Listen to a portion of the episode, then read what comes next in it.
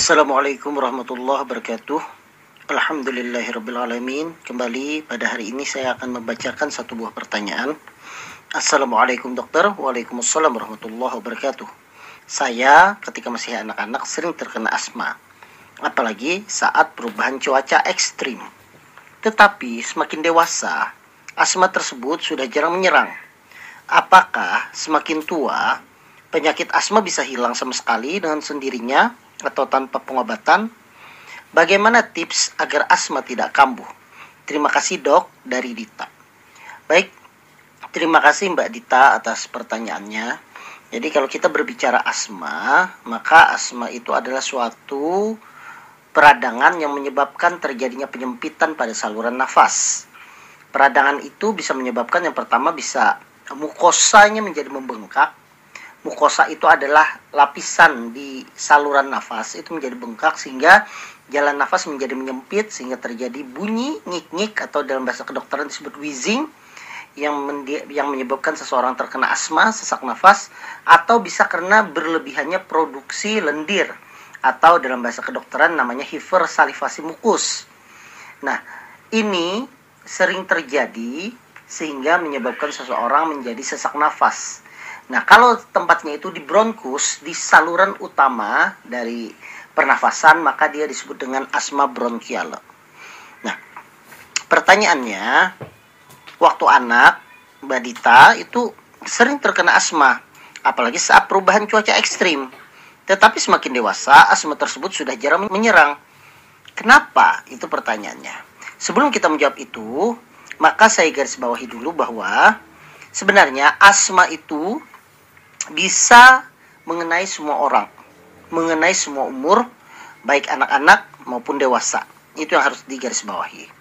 Dan juga belum tentu kalau dia pada saat muda dia asma, maka pada saat dewasa dia sudah sembuh.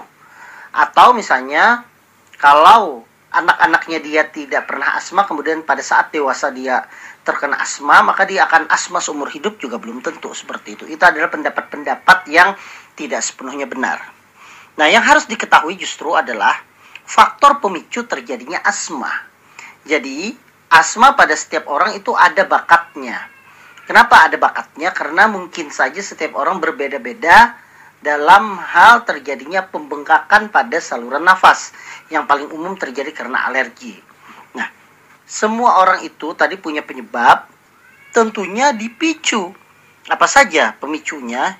Jadi uh, pemicu terjadinya asma antara lain tentunya yang paling sering adalah karena terpaparnya zat alergen atau zat yang menyebabkan alir alergi. Misalnya debu, bulu hewan, atau serbuk sari bunga, atau tungau, Nah, itu sering sekali menyebabkan seseorang menjadi terkena asma. Dia sudah ada bakat asma, tetapi lingkungan bersih dia tidak terkena. Kemudian suatu saat dia jalan, kemudian ada lingkungan yang polusi atau lingkungan yang banyak debunya, tiba-tiba dia terkena asma. Itu sangat mungkin terjadi. Itu yang pertama. Kemudian yang kedua, karena terpapar polusi udara. Terpapar polusi udara misalnya adanya asap rokok atau asap karena pembakaran atau asap karena pekerjaan di pabrik, nah itu bisa juga menyebabkan terjadinya asma.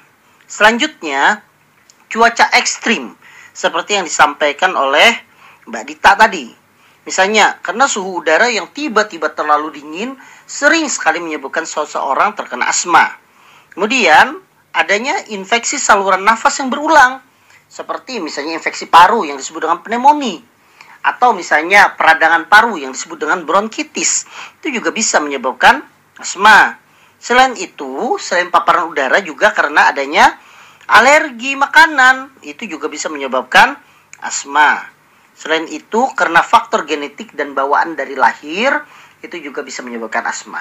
Nah, pertanyaannya, kalau seandainya saya ini waktu kecil sering terkena asma tapi menjelang sudah tua, sudah dewasa maksudnya, kok asma saya cenderung menjadi hilang? Apakah memang dia sembuh sendiri atau bagaimana? Jadi saya sampaikan bahwa bukannya hilang ya, tetapi mungkin saja pada saat masih kecil belum ter, ter belum terbentuknya mekanisme autoimun dan mekanisme hipersensitivitas artinya pengenalan zat alergi yang matang dibandingkan dia sudah dewasa. Sehingga yang terjadi waktu masih muda ada zat alergen tertentu saja dia sudah terjadi respon yang sangat meningkat sehingga terjadi pembengkakan mukosa pada saluran nafas kemudian terjadi pembentukan lendir yang banyak sehingga seseorang menjadi terkena asma. Nah, menjelang dia sudah semakin dewasa, tubuh sudah melalui pematangan dari sel-sel autoimun tersebut, sel-sel daya tahan tubuh tersebut.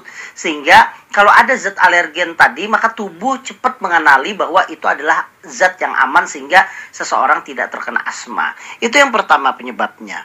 Kemudian yang kedua, ya, kalau masih muda itu mayoritas memang asmanya itu diakibatkan karena alergi atau misalnya terkena karena mengonsumsi makanan yang menimbulkan alergi. Sehingga kadang pada saat sudah beranjak dewasa dia bisa mengontrol makanan, mengontrol sesuatu yang suatu saat bisa menyebabkan dia e, asma, maka dia cenderung menjadi lebih membaik lagi pada saat dewasa. Nah, berbeda pada saat orang asma pada saat asma dewasa. Asma dewasa itu bukan karena hanya alergi saja, karena bisa saja karena dia sering terpapar zat polutan atau dia karena merokok atau dia karena sering terpapar debu sehingga menyebabkan asmanya semakin parah. Bahkan disebut dengan kalau dia kronik disebut dengan penyakit paru obstruktif kronik. Nah, pada kasus ini dia tidak akan sembuh. Sehingga memang berbeda antara penyebab asma pada anak-anak dan asma pada orang dewasa. Dan apakah asma pada anak-anak itu tetap bisa berlangsung sampai dewasa? Ya bisa. Kalau dia selalu terpapar oleh alergen dan tubuh tidak bisa mengenali dari zat yang didapatkannya tersebut.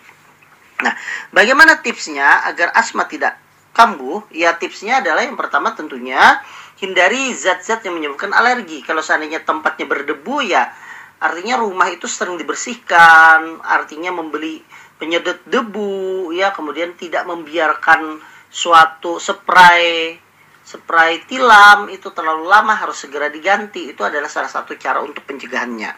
Kemudian adalah menghindari makanan-makanan yang menyebabkan alergi. Itu juga sangat penting. Kemudian menghindari adanya terpapar asap rokok, terpapar eh, pembakar asap pembakaran. Itu juga sangat penting untuk menjaga agar seseorang tidak terkena asma. Jadi kalau pertanyaannya apakah asma bisa hilang sama sekali dengan sendirinya atau tanpa pengobatan? Ya pada beberapa kasus bisa terjadi. Tetapi jangan berharap bahwa e, seseorang yang masih mudanya itu asma, tuanya itu bisa hilang sama sekali atau dewasanya hilang sama sekali. Yang penting itu adalah menjaga bagaimana seseorang itu menjadi tidak terkena serangan asma. Mungkin itu saja yang bisa saya sampaikan kepada Mbak Dita. Semoga ini bisa bermanfaat dan semoga Mbak Dita juga tidak lagi terkena serangan asma yang tentunya juga meras yang menyebabkan uh, kita menjadi tidak nyaman karena sesak akibat asma tersebut. Dan saya doakan kepada seluruh pendengar uh, radio Al Jihad dan seluruh jemaah yang mendengarkan apa yang saya jelaskan ini semoga kita selalu diberikan kesehatan oleh Allah Subhanahu wa taala. Wassalamualaikum warahmatullahi wabarakatuh.